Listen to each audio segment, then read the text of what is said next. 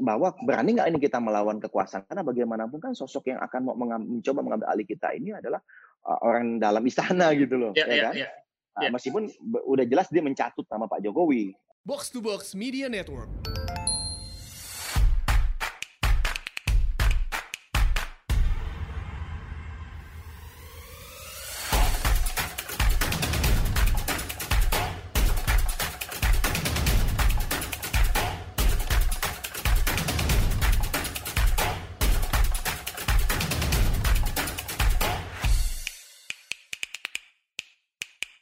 Selamat datang di Asumsi Bersuara. Kali ini kita akan membahas satu isu politik nih yang lagi hangat-hangat banget akhir-akhir ini tentang isu upaya apa ya quote unquote take over atau kudeta kepemimpinan Partai Demokrat dari sekarang uh, ketua umumnya Mas uh, Agus Harimurti Yudhoyono AHY kabarnya oleh Pak Muldoko nih yang yang saat ini menjabat di pemerintahan sebagai kepala staf kepresidenan. Nah, untuk bahas uh, isu ini kali ini kita akan kedatangan Mas uh, Herzaki Mahendra Putra, uh, dia Kepala Badan Komunikasi Strategis di DPP Partai Demokrat. Benar ya, Mas? Selamat datang Mas Herzaki di Asumsi Bersuara. Ya, selamat Selamat datang. Apa sejamnya apa nih? Thank you banget udah udah mau datang nih mas. Yeah. Ya. Uh, kita mau mau mau bahas lebih lebih dalam lah soal isu ini. Tapi mungkin sebelum sebelum ke situ ya, sebelum kita bahas um, upaya kudeta ini kejadiannya kan kalau nggak salah nih uh, eh, AHY itu baru terpilih jadi ketum uh, Partai Demokrat tuh tahun lalu kan ya 2020 yeah. secara aklamasi pula nggak ada lawan uh, dan harusnya menjabat sampai 2025 gitu. Nah mungkin yeah. mau mau nanya dulu ya uh, Mas Herzaki sekarang tuh uh, belum ada setahun ini sebenarnya uh, di di grassroots mungkin ya dukungan kader-kader terhadap AHY ini seperti apa Mas? Oke, makasih Mas. Ini sangat jelas sebenarnya kalau kita bicara mengenai dukungan apa kepada ketum AHY di grassroots sebenarnya sangat baik kalau kami lihat gitu loh. Pertama begini nih indikatornya uh, beliau uh, belum lama sejak terpilih kan beliau terpilih ini tanggal 15 Maret 2020. Hmm. Uh, tidak lama setelah itu, kira-kira semingguan, beliau kemudian mengeluarkan instruksi pertama beliau selaku ketua umum. Bahkan hmm. kabinetnya beliau kepengurusannya belum terbentuk nih gitu. Hmm. Tapi karena situasi saat itu adalah uh, corona ya sedang ya. meningkat drastis saat itu di bulan pertama, kemudian beliau melakukan instruksi untuk kita bagaimana melawan corona kepada seluruh kader dan kepada pengurus nih sampai ke segala pelosok. Ternyata nggak lama eh, respon dari kader ya dan juga para pengurus di segala lapisan itu sangat-sangat baik gitu loh. Rame-rame kemudian menyumbangkan masker, kemudian juga apa menyumbangkan hand sanitizer ya kan, kemudian melakukan penyemprotan disinfektan, bahkan hmm. menyumbangkan ventilator ke rumah hmm. sakit rumah sakit terdekat di daerahnya masing-masing gitu. Nah ini ya. ini satu contoh sederhana saja ya kan? Kemudian ternyata gerakan ini bergulir terus kita. Bahkan pada saat beliau mengeluarkan gerakan peduli dan berbagi di bulan apa Mei ya ah, itu kemudian gerakannya jalan gitu loh. Bagaimana ah, para masyarakat ya warga yang terdampak COVID ini kan sehingga kan ekonominya terganggu kita bantu gitu loh. Dengan memberikan bantuan macam-macam ada bantuan sembako dan lain-lainnya gitu loh ya kan? Nah ini ternyata uh, respon dari para kader di grassroots termasuk pengurus juga sangat-sangat baik gitu loh ya kan bayangkan kami bukan partai di dalam pemerintahan ya kan tetapi kami alhamdulillah secara swadaya para pengurus di daerah maupun para kader uh, di berbagai lapisan itu bisa mengumpulkan uh, dana kira-kira 250 miliar ini kalau di total gitu loh. Hmm. Ya kan untuk diberikan bantuan kepada masyarakat meskipun tidak semuanya dalam bentuk dana, yeah. uang cash ya, tetapi banyak bentuk barang gitu loh. Tapi kan ini menunjukkan ya, menunjukkan bahwa ada ada uh, budaya baru nih di sini gitu loh ya kan hmm. dan semua berlomba-lomba melakukan itu ini kan contoh sederhana ya kalau kami lihat gitu ya kan uh, semua kemudian mengirimkan foto mengirimkan apa video bahkan kemudian ada yang uh, tadi lagi-lagi uh, misalnya ada media online lokal yang mereka mempublikasikan kegiatan itu. Kenapa mereka bilang? Ya karena apa yang kami dapat ini kan bagian dari tanggung jawab kami kepada konstituen kami. Jadi kami mesti tunjukkan bahwa oke okay, ini ada bantuan begini, uh, ada juga misalnya sumbangan dari warga setempat ke tempat yang lain melalui mereka yang mereka mesti uh, publikasikan itu gitu. Nah ini ini ini kalau kami lihat ini dari awal seperti itu polanya gitu. Pola ada bagaimana uh, ketum AHY memimpin, beliau memberikan contoh, beliau memulai duluan melawan corona, beliau mulai duluan dengan peduli dan berbagi. Kemudian kita ada namanya kegiatan bina UMKM, Kemudian ada namanya kegiatan misalnya apa, wifi ya, hmm. untuk wifi juga gitu. Nah maksudnya di sini banyak sekali program-program yang sangat nyata dirasakan dampak oleh masyarakat.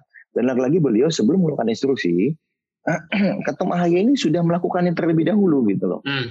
Ya, ini, ini, ini yang menarik ya. Ah, leadership by example yeah. gitu loh. Sehingga uh, ini kalau misalnya kami ditanya bagaimana dukungan grassroots, sebenarnya dukungan para pemilik suara dan grassroots itu sangat-sangat kuat gitu loh. Hmm.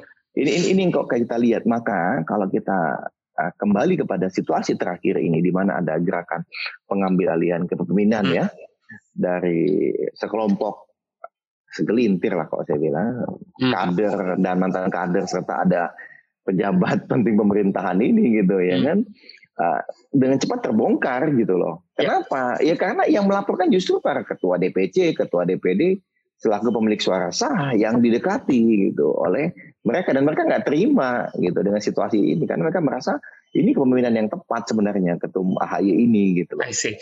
Ya, Mas mungkin ini, gitu. hmm, mungkin mungkin saya mau mau masuk ke duduk perkaranya nih ya. Jadi hmm. pengen tahu sebenarnya apa apa yang terjadi gitu. Kalau misalnya tadi uh, Mas Herzaki bilang uh, kader-kader Demokrat ini solid di bawah kepemimpinan AHY gitu ya. Lalu um, kenapa nih uh, ada um, kalau kalau saya baca gitu kan kan katanya ada ngopi-ngopi bareng gitu kan uh, mantan-mantan sebagian kader-kader Demokrat dengan mungkin Pak Muldoko terus juga um, ya akhirnya mencoba me, merencanakan mungkin ya uh, suatu upaya untuk me, mengambil alih atau me, ya istilah ini mungkin me, meluncurkan satu proses untuk mengganti kepemimpinan gitu. Ada ada apa emangnya? Apakah ada kader-kader mungkin yang tidak puas gitu dengan performa uh, Mas Ahaye saat, saat ini so far sebagai ketum Demokrat misalnya dari sisi kebijakan atau dari sisi dari sisi apa nih uh, adanya uh, muncul eh, munculnya gerakan-gerakan uh, yang mungkin kurang suka gitu dengan dengan kepemimpinan Demokrat saat ini. Nah, jadi kita bicara proses dulu ya. Hmm, Setelah iya. itu kita akan bicara alasannya mereka gitu kalau yeah. saya bisa sampaikan. Pertama prosesnya begini mas, kira-kira sebulanan yang lalu kami itu sudah mendengar, sebenarnya bukan sebulanan, sebenarnya udah satu setengah bulan nih kalau dihitung sekarang ya. Tapi pada saat preskon itu, kira-kira ada sebulanan, kita dengar mulai dari akhir Desember atau awal Januari. Katanya ada segelintir kader yang katanya lagi mau mengusulkan KLB katanya.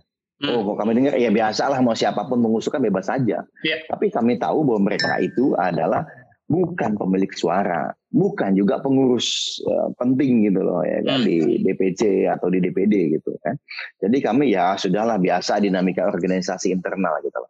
Tapi kemudian ini menjadi serius kalau kita bicara dari tanggal preskon itu 1 Februari, 10 hari sebelumnya ada telepon mendadak dari uh, beberapa orang pemilik suara, ada ketua DPC kami dari salah satu daerah menelpon, mengontak uh, salah satu rekan kami DPP, menyampaikan bahwa mereka perlu bertemu segera.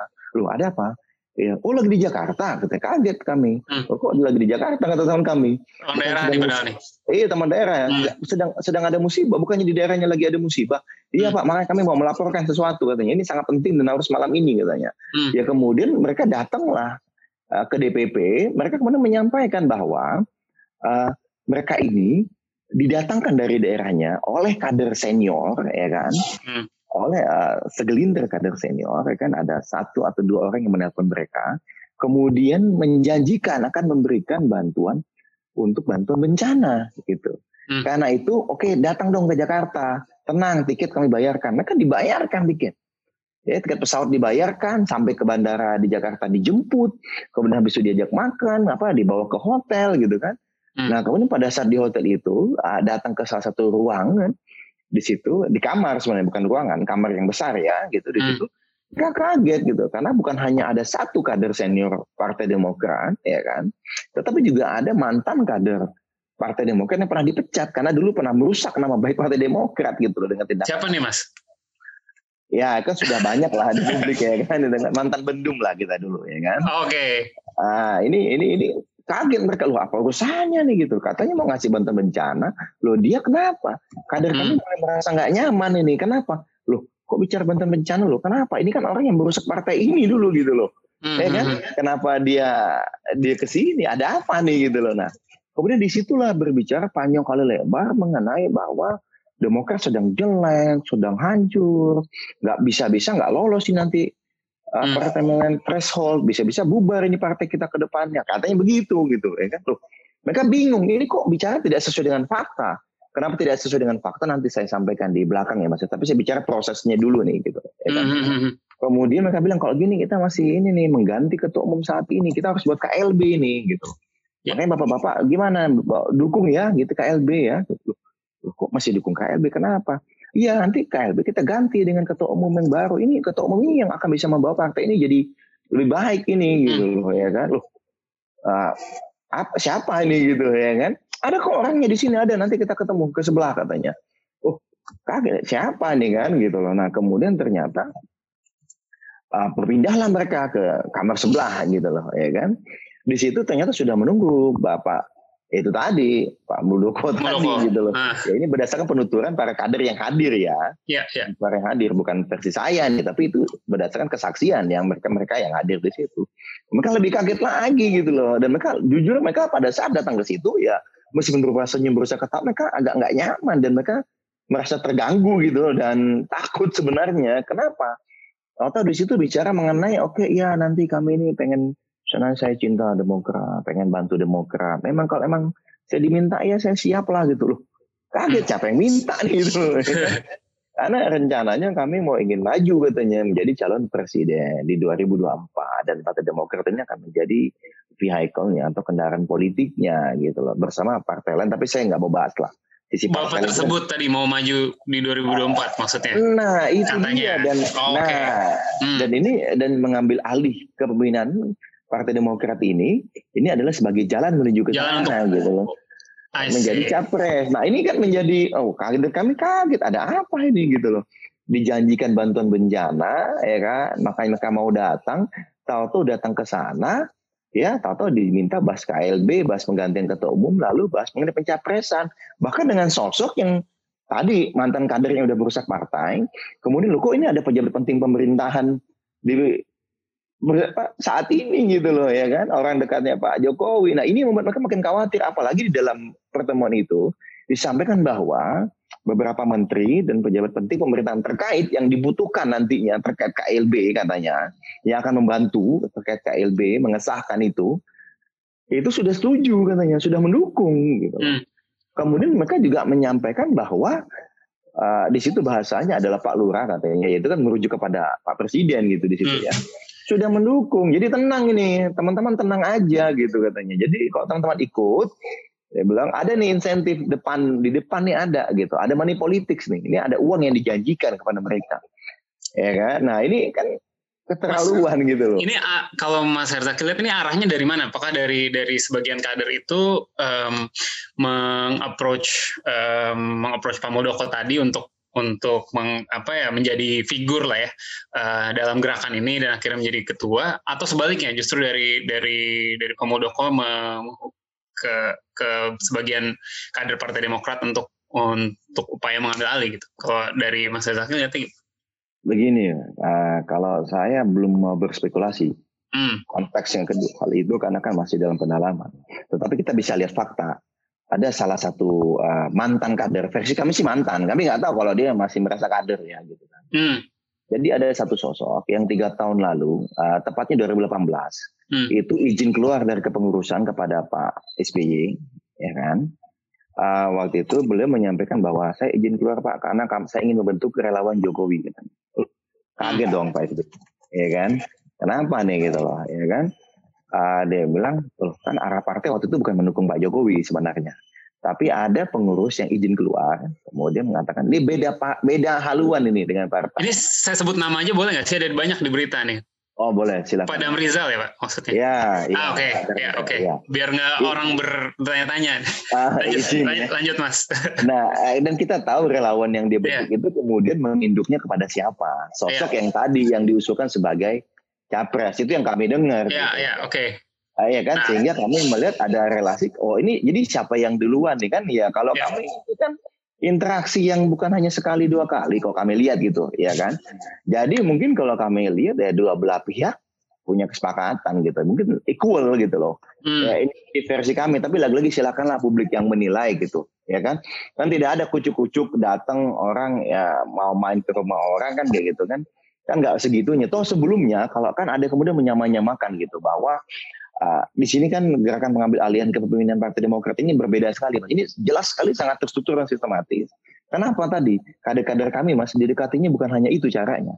Ternyata sebelumnya ketua-ketua DPD kami ditelepon juga. Diajak ketemu, datang di Jakarta, ketemu aja, nggak bahas-bahas mengenai mau ketemu dengan Pak Muldoko. Kemudian habis itu ketua-ketua DPC diteleponin semua gitu. Sebagian dari bawah nih ya, dari bawah di, diajakin. Ah, diajakin, diteleponin. Ini ini ya. ada ada ada yang tukang ajaknya nih gitu loh, ya kan? Ya. Tapi itu tidak ada satupun pembicaraan mengenai akan bertemu dengan Pak Muldoko. Ya. Semua bicara lagi-lagi mau beri bantuan terkait COVID, mau beri bantuan terkait bencana. Di sini aja udah kelihatan niatnya, Mas. Oke, okay. Mas, kan? saya, saya, saya mau nanya nih Mas, uh, lepas dari oke, okay, mungkin mungkin misalnya kita asumsikan niatnya benar mau mau take over gitu ya. Tapi pertanyaan hmm. saya bukankah uh, mekanisme untuk untuk hal seperti itu dilakukan uh, itu memang ha, emang ada ya di, di di aturan partai gitu di ADART atau atau dan kalau memang ada dan masalahnya apa gitu? Toh um, toh udah udah diatur gitu bahwa kalau ada um, kalau kalau sekian anggota DPC misalnya mendukung ya boleh di diadakan KLB dan boleh dilakukan pergantian kepemimpinan kalau memang memang memang cukup dukungan ya maksudnya ada yang melanggar aturan nggak dari dari semua proses ini kalau Mas Her, kalau kalau um, dari Mas Herzaki ngelihatnya? Nah, jadi begini, namanya KLB ya kan kita bukan ya ada ART. Kalau kita lihat dulu nih ada hmm. ART-nya, hmm. saya pegang nih ada ART-nya. Takutnya nih para segelintir kader dan mantan kader itu dia megang ADRT-nya beda mas. ADRT. Oke oke. Dia megangnya jangan ADRT tahun 2004 kali gitu kan, yeah. takutnya gitu gitu mm -hmm. kan. Ini ada memang KLB itu ya mengenai KLB itu punya kewenang dan luar biasa dengan kongres ini ada pasal 81 gitu, mm -hmm. membahas mengenai kongres dan kongres luar biasa gitu yeah. ya. Bahwa emang benar di sini bisa ada namanya kongres luar biasa, tetapi namanya kongres luar biasa itu kan ada tujuannya gitu. Hmm. Kita punya kongres itu satu secara secara apa namanya secara apa namanya aturan saja sudah jelas. Kongres sudah berlaku. Kongres kelima kemarin terjadi di tahun 2020. Kepengurusan saat ini seharusnya sesuai dengan konstitusi kami adalah 2020 2020 25. sampai dengan 2025. Yeah. Ya kan? Nah, kemudian kenapa kemudian masih ada penggantian di tengah? Apakah ada kader kami yang tersangkut masa pidana kayak 2013 eh, ya kita waktu itu ya kan dengan Pak SBY menggantikan Anas karena Anas kemudian ditangkap ya. Yeah, yeah. Ya kan itu kan karena emang Anas buat masalah, dia buat kasus hukum, masuk Nazarudin juga ya kan. Terus sekarang nggak ada angin, nggak ada apa kok, tahu-tahu mau ada KLB, ada apa ini gitu loh. Hmm. Makanya kami sampaikan ini secara paksa gerakan ini. Kenapa memaksa? Kenapa kami bilang paksa juga? Karena satu, mas ini penipuan pertama. Mereka mendekati pemilik suara mengajak bertemu itu dengan menjanjikan bantuan COVID atau bantuan untuk bencana. Ini hmm. satu kan udah jelas ini, ini udah penipuan gitu loh, ya kan? Tidak ada satu bicara mengenai KLB. Nah pada saat bertemu para kader kami pemilik suara itu itu tidak mau dan tidak nyaman pada saat berbicara KLB. Ketiga itu berbicara dengan atau dengan sosok luar yang katanya mau dijadikan ketua umum. Nah ini kan secara proses saja ini sudah tidak tepat mas gitu. Nah kemudian di situ mereka sampaikan alasan mengadakan KLB dan mengganti ketua umum karena mereka bilang performa ini ada beberapa hal, ada tiga hal terutama yang saya lihat, seingat saya. Satu adalah katanya performa dari pemimpinan AHY saat ini, ketum AHY ini sangat tidak baik katanya. Ini jelek sekali, pilkada banyak gagal katanya. Ini satu ya yang mereka bilang. Ya kan? Ini alasan bohong kalau saya bilang. Yang kedua, mereka bilang bahwa jelek sekali nih kombinat AHY ini gitu ya kan. Bisa-bisa tidak lolos parliamentary threshold nanti di 2024 hmm. gitu loh, hmm. ya kan. Ketiga, disampaikan juga bahwa AHY ini tidak ketum AHY ini dalam mengambil keputusan calon pilkada itu tidak mengikut sertakan dan tidak mendengarkan suara di daerah gitu. Nah, ini kan alasan-alasan versi mereka gitu bahwa Demokrat lagi hancur, lagi jelek, ya, sehingga perlu ada dan kepemimpinan AHY ini ketum AHY ini gagal gitu sehingga perlu ada KLB. Ini kan dasar versi mereka mengajak para pemilik suara untuk mengadakan KLB. Tapi kita bedah dulu dong satu-satu, ya kan? Ya. Satu pada saat bicara mengenai pilkada gagal, ya, ini lucu sekali gitu loh. Kenapa? Ini kayak orang hidup di planet lain mereka. Demokrat kemarin ada 48 persen mas kita menang di pilkada yang kita ikuti. 48 persen. Dan ada setengah dari 48 persen itu kira-kira 65 kader kami yang terpilih menjadi kepala daerah atau wakil kepala daerah, wakil apa bupati atau wakil ini not bad lah ya. Gubernur. Bukan not bad mas. Ini tertinggi selama lima tahun terakhir. Oke, okay, oke. Okay. jadi, jadi kan menjadi pertanyaan besar gitu bahwa ini kita hancur, kita gagal di pilkada. Ini gagalnya di mana gitu? Ini takutnya ini kan halusinasi gitu loh ya mas ya. Hmm, hmm. Kita kalau bicara mengenai kepemimpinan politik, yang sudah pasti pertama kita bicara mengenai kinerja di bidang eksekutif dan di bidang legislatif. Legislatif kita belum bisa menilai kenapa? Ya kan pileg 2019 nanti 2024, 2024 kita bisa nilai ya, ya. apakah berhasil apa gagal nih kepengurusan saat ini gitu lah. Tetapi kan kita bisa lihat dari eksekutif dulu di pilkada 2020 ujian pertama bahkan belum genap setahun ya mas baru berapa bulan kami sudah ketum AHY memimpin tim gitu loh ya kan bagaimana mempersiapkan dan menghadapi pilkada ini dan alhamdulillah bisa 48 persen dan kemudian lebih dari setengah itu adalah kader kami gitu loh yang terpilih menjadi kepala daerah. Dan ini adalah terbaik sama lima tahun terakhir. Hmm. sehingga kami bingung ini gagalnya itu lagi itu satu hal. Gitu yang kemudian mereka sampaikan bahwa tidak mendengar aspirasi dari daerah dalam uh, dalam itu gitu uh, memilih uh, calon kepala daerah ini gitu. Nah agak bingung gitu sebenarnya kalau kami ya kan? Ya kan? Uh, ini kenapa kenapa gitu loh soalnya ini proses calon kepala daerah tadi, pemilihan calon kepala daerah tadi itu berjenjang mas usulannya dari DPC ya dari kabupaten kota. Ada pendapat DPD DPC, kemudian di situ diseleksi, ada interview diusulkan kepada DPD di provinsi, gitu loh, ya kan? Nah di provinsi itu kemudian dibahas lagi, didiskusikan lagi, dipanggil lagi para calonnya, kemudian setelah itu muncul diusulkan ke pusat, ya kan? Di pusat ada tim, gitu ya kan? Ada tim yang ngebahasnya, nah, tim Bapilu, kemudian selesai dibahas, pemilu kemudian dipresentasikanlah kepada uh, ada tim panel juga gitu loh di luar Bapilu. Ada ketum ada sekjen ada bendahara. Di situ kemudian diambil keputusan dan kemudian diminta masukan juga berbagai pihak. Ya kan? Macam-macam. Ada anggota DPR RI di dapil itu yang diminta kan masukan. tetap pasti ada yang ada yang ini kan yang kurang puas kan? Pasti ada ya, aja Enggak, ini saya sampaikan dulu prosesnya mas gitu hmm. dalam arti. Ya. Oke, setelah itu terjadi, kemudian kami oke okay, dari pusat seperti ini nih. Uh, rencana kita dari usulan yang di DPD dan DPC rencana kami seperti ini. Ada yang sama dan ada tidak sama gitu. Oh ini alasannya indikatornya ini A B C D E. Ada jelas indikatornya. Oke kemudian DPD DPC kemudian oh enggak saya maunya ini. Soalnya harusnya begini karena begini begini ini pertimbangan versi mereka. Ya kan? Oh ya udah silakan. DPC DPD bisa kemudian kembali kepada kami di DPP mengajukan usulan kenapa mereka misalnya bersikeras kami harus memberikan rekomendasi kepada calon A atau calon B gitu loh. Hmm. Jadi hmm. proses ini bukan uh, one way aja gitu loh, Mas, tapi ada komunikasi tuh dan ini dari bawah sehingga agak bingung juga pada saat ada statement bilang bahwa tidak memperhatikan usulan dari daerah gitu. Padahal secara proses kita sudah jalani. Kemudian masih diingat Mas, Ketum AHY ini ini memberikan ruang yang begitu luas dan begitu besar pada kader kami untuk menjadi calon kepala daerah. Sehingga banyak sekali mas calon kepala calon kepala daerah itu yang ya. dari ketua DPC atau ketua DPD kami gitu. Ya kalau misalnya katakan tidak mendengarkan urusan daerah, kok kami lihat nih DPC DPD ya ngapain sih? Mendingan mungkin yang yang lain lebih punya peluang besar nih.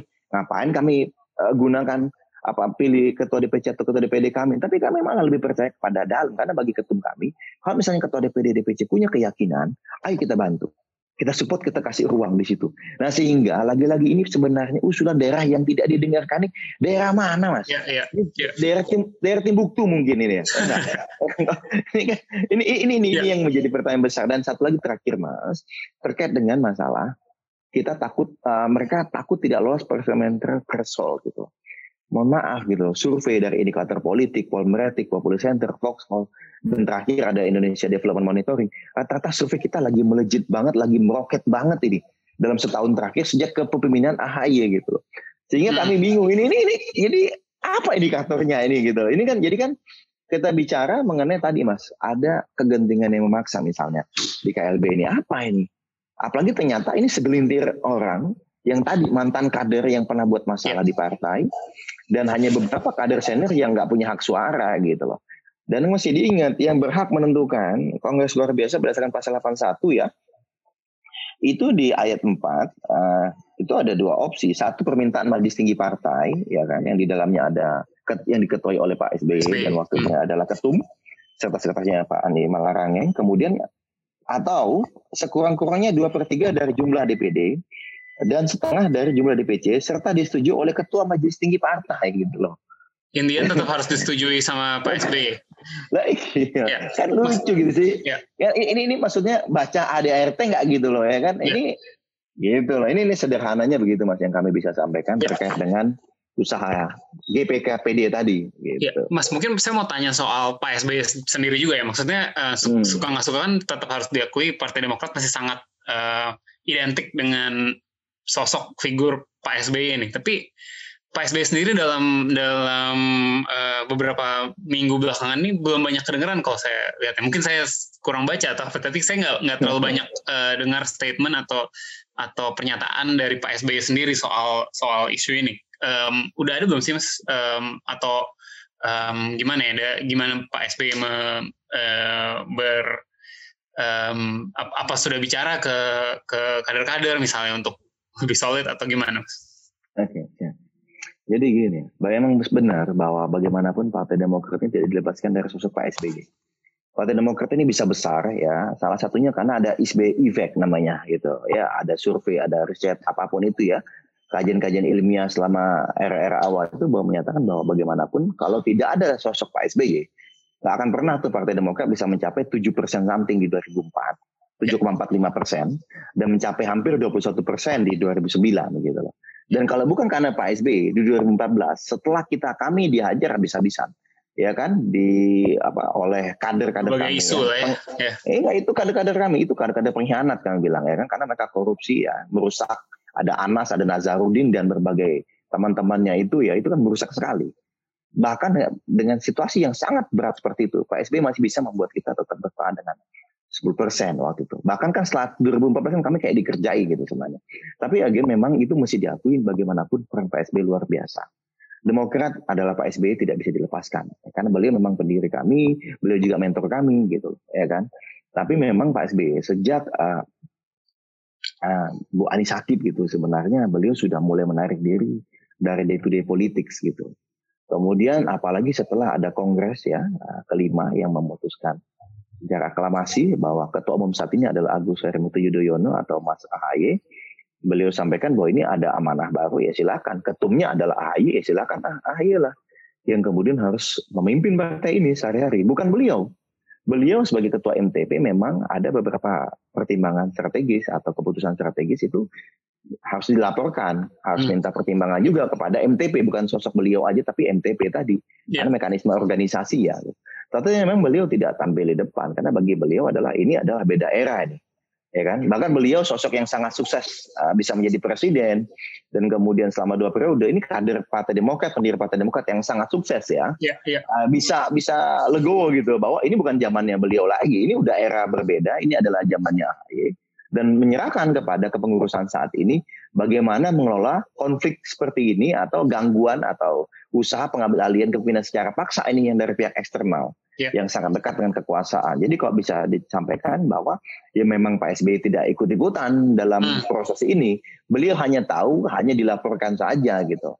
Karena sebagai ketua MTP ya sebagai MTP ya ketum itu wajib melaporkan pada saat ada isu-isu genting seperti ini gitu. Tapi yeah. keputusannya, proses perencanaan, persiapan dan eksekusinya semuanya dipimpin langsung oleh memang oleh Mas AHY selaku ketum kami gitu loh. Bisa dibilang jadi semacam tes lah ya buat AHY di awal kepemimpinannya dulu gitu ya Mas.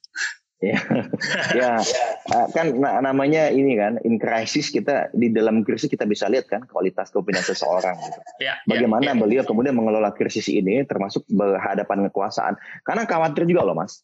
Jangan salah loh. Kita ada ada juga ada sebersit uh, keraguan, kekhawatiran misalnya dari beberapa kader gitu kan. Tetapi uh, bahwa berani nggak ini kita melawan kekuasaan karena bagaimanapun kan sosok yang akan mau mencoba mengambil alih kita ini adalah uh, orang dalam istana gitu loh, ya, ya, ya kan? Ya. Nah, ya. meskipun udah jelas dia mencatut nama Pak Jokowi, pengakuannya ya. kan sudah jelas dia mencatut nih gitu loh, bukan jadi dia bergerak sendiri ini yang kita tahu. Bukan nah, diminta oleh Pak Jokowi ya? Nah, ini kan sampai dengan saat ini yang kita tahu seperti itu ya, gitu ya. mas ya kan. Ya, nah. Uh, ini kan membuat Uh, kan ada faktor resiko juga kita kan nggak tahu Pak Jokowi terlibat atau enggak nih kan gitu. Yeah, Tapi yeah. tanpa Pak Jokowi ada pun sebagai sosok yang di istana ring satu istana ya kan tentu punya power yang sangat uh, luar biasa. Apalagi kita tahu nih jejak rekam dia sebelumnya kayak yeah, apa yeah, nih gitu loh. Nah, yeah, yeah. Uh, tentu kan uh, kemudian juga kader-kader inilah yang di daerah ternyata ketua DPC DPD lah yang malah ikut. Eh ayo mas kita hadapi sama-sama mereka sampaikan. Kita tidak takut gitu. Kami takut dibilang. Karena itu kami ke DPP gitu ya kan.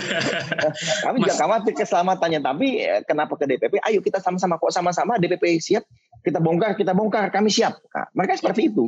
DPD juga seperti itu. Jadi ini tadi Mas, memang tidak mudah gitu. ya. Kemudian bagi ketum AHI dia memikirkan bagaimana keselamatan para kader dan pemilik suara yang sudah didekati dan sudah bertemu langsung. Kan ini yang dipikirkan beliau, bukan sosok beliau aja atau dengan pengurus DPP, tapi para para saksi ini. Nah, begitu kami sudah berhasil, oke okay, kita ketemu solusi bagaimana agar mereka tidak terganggu, bagaimana keamanannya bisa lebih terjamin, ya kan, termasuk juga keluarganya. Kemudian barulah bergulir tadi, ya kan, masukan bahwa kita harus bongkar. Karena ya. kalau enggak, ini ini ini adalah apa situasi yang apa sangat tidak baik buat demokrasi kita. Kita sudah punya jejak rekam yang jelek nih, bukan demokrat ya. Hmm, ya, kan? nah, ini, nah itu mungkin mungkin saya tunggu lah, saya tunggu pertanyaan ya kalau gitu. Ya kan, Nggak, uh, gitu.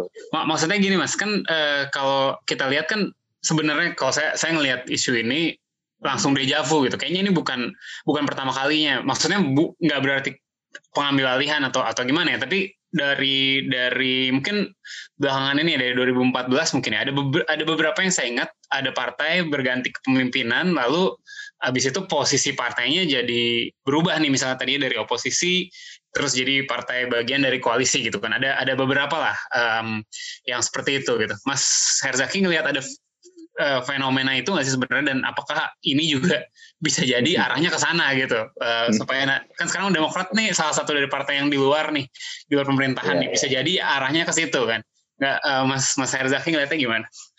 Ya kalau dari kami justru itu itu adalah salah satu pertimbangan besar kami. Ya, ketum kami kemudian memutuskan mengadakan konferensi pers. Itu adalah salah satu pertimbangan besar dan utamanya.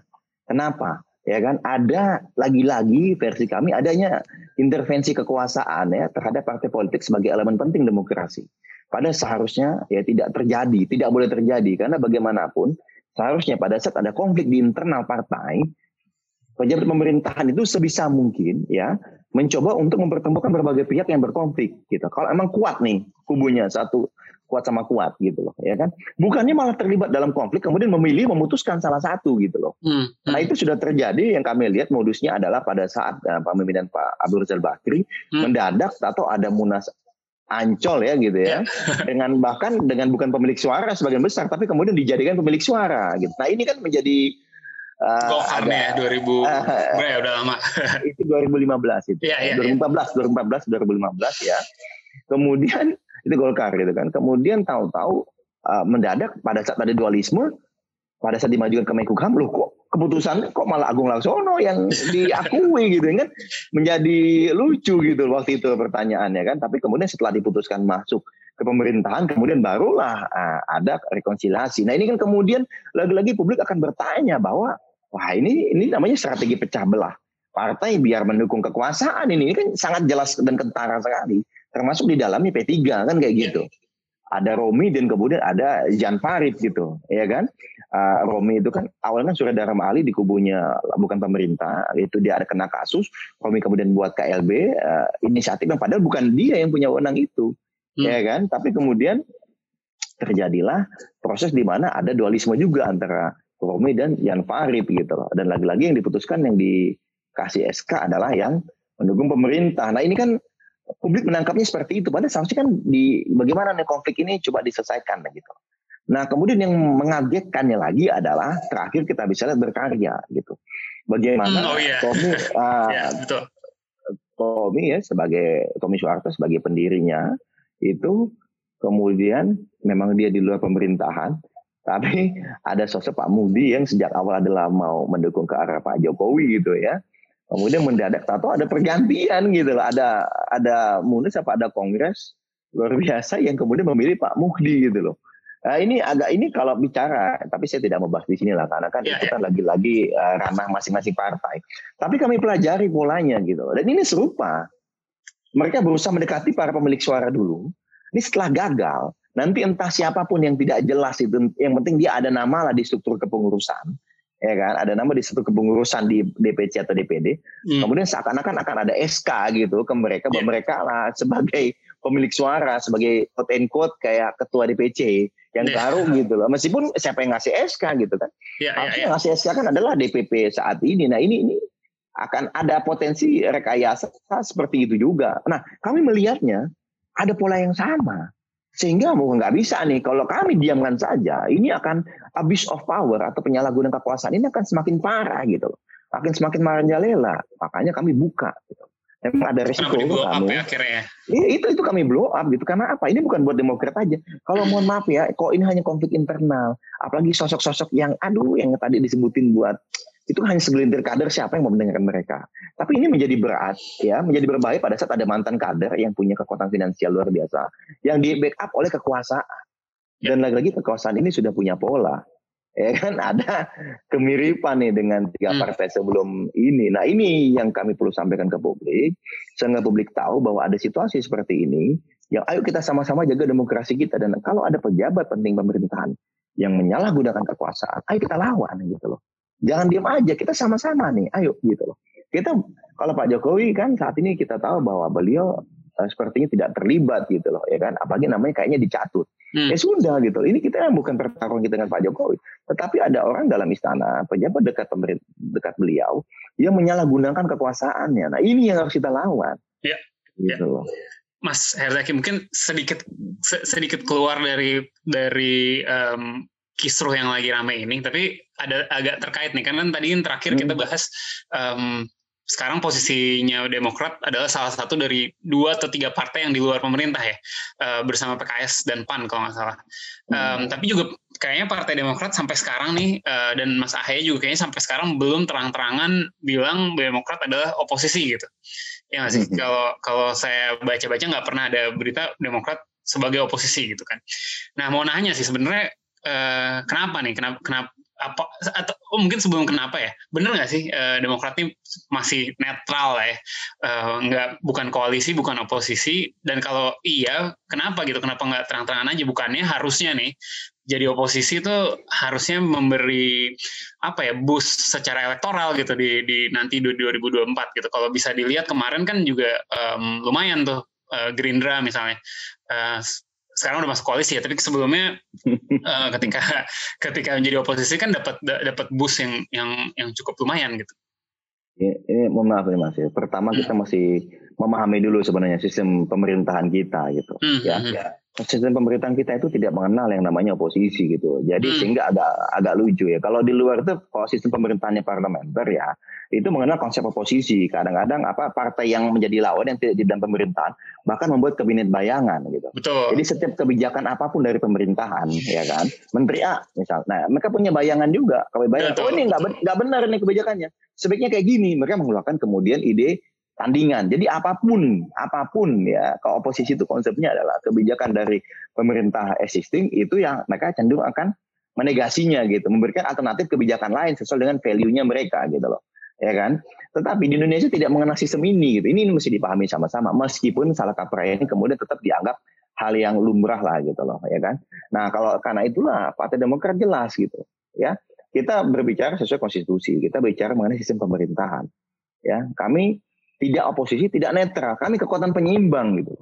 Ya, be, be, bahasa aja lah itu mas. Semantik aja. Penyeimbang ya, oposisi okay. netral. ya. Boleh lah orang bilang bahwa penyeimbang sama aja dengan oposisi. Ya perbedaannya adalah kami kalau misalnya kami rasa kebijakan Pak Jokowi itu tepat dan benar dan baik dan bermanfaat buat masyarakat banyak ya kami dukung. Hmm. udah terbukti kok beberapa kali kami lakukan itu di parlemen gitu ya kan? Uh, contohnya kayak kegiatan menanggulangi covid ini gitu. Kami lakukan kami bantu kok di lapangan juga sama-sama kami coba bagi masker, bagi hand sanitizer, kami bantu ventilator, kader-kader kami. Bahkan ada yang kesulitan warga, terdampak ekonominya, kami bantu tadi dengan sembako dan macam-macam. Ini kan mendukung programnya pemerintah, ya kan? Ya kan? Nah ini ini kita bantu gitu loh. Kebijakannya waktu itu mereka butuh undang-undang, apa dukung perpu terkait COVID, terkait undang-undang COVID, kita dukung kok di parlemen. Karena kita tahu ini penting ini, ini perlu nih diperlukan saat itu ya kan di bulan Maret karena bagi kita pemerintah perlu semua tools untuk bagaimana menanggulangi pandemi ini secara cepat gitu. Hmm. Ini satu hal. Tapi di sisi yang lain kalau bagi kami ya sangat tegas dan jelas kalau kebijakan pemerintah tidak tepat seperti ada rancangan undang-undang HIP, ada rancangan undang Minerba dan kemudian ada rancangan undang-undang Cipta Kerja yang menurut kami mencederai rasa keadilan uh, masyarakat gitu loh ya tidak bermanfaat bagi masyarakat malah menguntungkan segelintir elit dan oligarki aja ya kami lawan gitu loh Ya, kami kasih masukan begini loh. sebaiknya jangan begini loh. Kami ambil sikap yang tegas dan jelas. Inilah yang namanya penyeimbang. Karena apa? Seperti yang pernah disampaikan Pak SBY akhir-akhir ini. Kalau gula itu emang manis tapi bisa berbahaya kan gitu. Hmm. Nah, ya kan? Tapi kalau kritik itu layaknya obat. Memang pahit tapi itu bisa memberikan kesembuhan. Kebayang nggak kalau tidak ada kekuatan penyeimbang kayak kami, kalau semua bilang iya aja ke Pak Jokowi, tapi ternyata kebijakan COVID, penanganan COVID saat ini salah, Mas. Nggak tepat. Ya kan? Kemudian jalan begitu aja. Coba mohon maaf ya, setahun terakhir, kita akui lah, penanganan pandemi ini tidak berada di rel yang tepat gitu. Hmm. Terbukti hmm. apa? Begitu Menteri Kesehatannya ganti, Menteri Kesehatan yang baru kan berkata, datanya ini nggak benar. Loh, bagaimana Anda mengambil kebijakan dari data yang salah? Ya gimana? Gimana kebijakan ini bisa benar? Nah, Mas, saya mau push sedikit. Saya mau push sedikit kalau boleh. Ma, ma, um, kalau misalnya kita punya uh, oposisi yang kuat di di 2000 di, di se, sejak awal COVID ya, maksudnya sejak awal 2020 mulai COVID misalnya nih, hmm. uh, oposisi kita kuat harusnya dari dari dari lama kita udah udah ada tuh yang yang ngepoint out nih kalian bergerak dengan data apa gitu kok penanganannya seperti ini gitu. Tapi kayaknya kalau saya serasa ya lebih yang lebih banyak kritik pemerintah sepanjang uh, penanganan COVID yang rada berantakan itu ya ya rakyat rakyat sendiri gitu nggak banyak di, di di DPR yang yang kedengeran gitu ya uh, me, menjadi oposisi yang kuat dalam isu COVID itu gitu. Kalau Partai Demokrat sendiri gimana mas? Nah ini mas ada jejak digital silakan di searching aja Demokrat COVID sejak bulan Februari hmm, hmm. bahkan pada saat lalu ya? Ya, dari 2020, hmm. bahkan pada saat pejabat pemerintah, menteri-menteri menertawakan bahaya COVID, hmm. ya, dan Indonesia makan nasi kucing lah atau yeah. apa, lupa, menganggap selucu. Demokrat sudah menganggap serius dan sudah mengingatkan hmm. di parlemen maupun di media. Yeah. Kita sudah ingatkan bolak-balik dari bulan Februari bahkan di akhir Januari bahaya ini penanganannya harus ini harus ditutup segera. Bahkan Mas masih ingat, ya kan? Pada saat Ketum AHY belum lama menjabat terpilih sebagai ketua umum di bulan Maret, ada ke, ada usulan beliau, ada enam rekomendasi beliau. Yang salah satunya adalah terkait dengan lockdown tadi. Hmm. Ya kan? Tapi waktu mengeluarkan rekomendasi itu karena kemudian malah diserang oleh buzzer ya kan. Hmm. Kemudian malah pemerintah ya mohon maaf lah gitu kan katanya butuh kritik, tapi kita kritik tapi kan angin lalu dianggapnya. tapi ternyata setelah eh, berbulan-bulan hampir setahun kemudian malah muncul ya, dari presiden sendiri yang ngomong bahwa ah, kita masih lockdown nih loh kenapa nggak dilakukan dari setahun yang lalu gitu? Kenapa? Yeah, yeah. Mesti malu bahwa ada ide yang bagus dari oposisi yang mengingatkan, tolong lu uh, kayak gini kebijakan sebaiknya gitu. Pemerintah, hello gitu loh, ya kan? Tapi kan tidak dilakukan. Gitu. Nah, dan kami kalau Mas perhatikan jejak digital itu banyak sekali. Di parlemen aja kami terkait dengan Perpu Covid kami memberikan catatan. Hilangnya hak pengawasan dan anggaran dari DPR terkait dengan penanganan COVID, itu berarti kita tidak bisa mengawasi sama sekali pemerintah untuk penanganan COVID. Kenapa? Ya itu namanya macam ompong, mas. Iya. Uh, ngaum-ngaum apa namanya mengaum-mengaum, tapi kalau dicuekin ya lewat aja. Kenapa? Kata pemerintah lah kan nggak bisa motong juga anggaran kita. Kan udah punya wewenang sendiri terkait dengan anggaran sampai 2022. Ya, ya, ya. Nah, eh, eh, maksudnya jadi kalau misalnya dikatakan bahwa wah apa Demokrat kurang kenceng nih, diperhatikanlah jejak digital kami. Kami sangat kenceng terkait dengan penanganan COVID. Banyak sekali kader kami di parlemen maupun di daerah-daerah ya itu yang men, katakanlah quote and quote mengkritisi pemerintah gitu, kebijakan pemerintah. Hanya lagi-lagi kenapa kemudian ini tidak menjadi gaung yang jadi luar biasa? Itu kan pilihannya kepada media, Mas. Bukan kepada kami. Kami tidak menyampaikan tugas. Okay. Ya media kemudian satu suara tidak menggaungkan ya susah juga. Tapi alhamdulillah banyak sekali jejak digital yang menunjukkan bahwa kami sangat konsisten mengkritisi jika ada kebijakan pemerintah terkait COVID ini yang tidak tepat gitu. Ya. Itu, media mas. media baru menggaungkan waktu putrinya AHY yang ngomong suruh lockdown ya mas. malah, malah heboh gitu. Padahal sebelumnya sudah ada, ada Irwan, ada Bang BK, ada macam-macam banyak sekali. Yeah. Ada Johnson, Johnson kan rajin sekali juga gitu kan. Yeah. Banyak loh kader kami yang istilahnya menggaungkan kritik itu di parlemen di forum resmi parlemen maupun memberikan edukasi publik di melalui media massa gitu maupun di media sosial gitu Mas ya. Mas Herzaki mungkin terakhir banget ya waktu hmm. kita juga udah udah mau habis nih. Um, hmm. Mungkin dari sepanjang diskusi ini ada nggak nih hal-hal lain yang mungkin menurut Mas Herzaki penting nih buat pendengar asumsi bersuara dengerin atau tahu, tapi kita belum sempat bahas, belum, belum sempat sentuh dari tadi. Ya, kalau dari kami melihatnya begini nih, kami ada kekhawatiran bagaimanapun uh, terakhir ya ada Intelligent Economist Unit gitu ya ekonomi itu mengeluarkan laporan mengenai indeks demokrasi Indonesia yang semakin menurun bahkan terjelek dalam 14 tahun terakhir. Hmm. Ini juga uh, ini semacam menegaskan bahwa demokrasi kita ini sedang dalam titik nadir sebenarnya yeah. gitu. Ada juga dua lembaga lain sebelumnya yang memberikan penilaian yang sangat-sangat jelek dan terus menurun demokrasi di Indonesia, kualitas demokrasi di Indonesia ini harusnya menjadi concern kita bersama gitu loh ya menjadi perhatian kita bersama dalam menunggu tiga tahun terakhir uh, rezim ini gitu ya. Bagaimanapun rezim ini akan berakhir di 2024 ya kan karena beliau kan sudah dua kali dan beliau juga sudah sampaikan tidak berminat mengubah konstitusi sehingga beliau bisa terpilih lagi ketiga kalinya. Ini kita harus menghargai uh, beliau sebagai yang menghargai konstitusi gitu ya kan. Uh, kita harus sama-sama cermati ini gitu loh bagaimana demokrasi kita ini bagaimanapun menjadi semakin tidak sehat gitu. Jangan sampai di 2024 uh, demokrasi kita yang digelari demokrasi cacat atau hanya sebagian bebas oleh berbagai lembaga dunia ini tidak menjadi apa semakin jelek gitu ke depannya. Apalagi juga kemudian berbagai survei menunjukkan bahwa terakhir Burhanuddin Muhtadi ya dari indikator politik sudah ada hampir 70% masyarakat yang takut mengutarakan pendapatnya jika berbicara mengenai hal politik atau kebijakan pemerintah. Ini kan menjadi suatu hal yang mengkhawatirkan negara demokrasi, tapi kok kita takut menyampaikan pendapat gitu, ya kan? Ini kayak negara otoriter aja. Nah ini kalau dari kami tadi lagi-lagi tolong, mari kita jangan amputasi demokrasi ini. Dan kami minta tolong juga kepada pemerintah. Pemerintah itu sangat kuat kok. Apa apa yang ditakutkan lagi gitu. Di parlemen udah sangat menguasai gitu. Tapi berikanlah ruang, ya kan? Berikanlah ruang untuk perbedaan pendapat. Jangan yang berbeda kemudian ditangkap. Itu satu. Yang kedua, jangan juga kemudian karena merasa berkuasa dan punya kekuasaan yang sangat dominan saat ini, ya, jangan kemudian semena-mena. Tetap dengarkanlah rakyat, dengarkanlah masyarakat. Termasuk ya kami dengarkanlah gitu loh. Ini kan bukan masalah menang-menangan, ego-egoan, tapi kita punya masalah besar saat ini. Ada pandemi COVID-19, ada krisis ekonomi yang kita hadapi. Ayo kita selesaikan sama-sama gitu loh. Kalau kami jelas komitmennya. Bagaimanapun pemerintahan saat ini konstitusional dan kami akan terus dukung sampai dengan 2024. Tidak ada satupun niat dari kami dan usaha dari kami ya untuk mengganggu pemerintahan ini sehingga tidak selesai di sebelum 2024. Ya. Gak bisa. Kita sepakat, kita komitmen pemerintahan ini konstitusional dan kita harus dukung sesuai dengan konstitusi. Selesainya adalah di 2024. Jangan ada usaha lah sebelum itu untuk mengganggu pemerintahan ini. Tetapi mohon diingat gitu loh ya kan bahwa kami akan terus ya kan mengkritisi kebijakan pemerintah yang tidak tepat gitu. Di antaranya adalah tadi mengenai pilkada sebenarnya kami ingin sampaikan. Janganlah mengamputasi hak rakyat untuk memilih dan menilai pemimpin daerahnya. Ya kan? Saat Covid ini di 2022 dan 2003 sehingga baru boleh memilih nanti di 2024 gitu. Ya kan? Kan rakyat berhak dong. Oh, daerah saya pemimpin nggak oke okay nih, nggak bener, saya mau ganti gitu. Janganlah hak itu kemudian yang harusnya bisa mereka lakukan di 2022 kemudian ditunda ke 2024 hmm. gitu. Ya. Ini, ini topik yang bisa panjang lagi. ini contoh aja, ini yeah. kecil lah. Ya. Mas, aja, Mas Herzaki, thank you banget ya atas waktunya ya. udah mau datang ke sini meluruskan mungkin ya kalau dari dari sudut pandangnya uh, apa Mas Herzaki tentang isu yang lagi rame ini. Sekali lagi terima kasih Mas. Siap. Makasih juga kepada teman-teman Asumsi ya. Semoga sukses terus ya.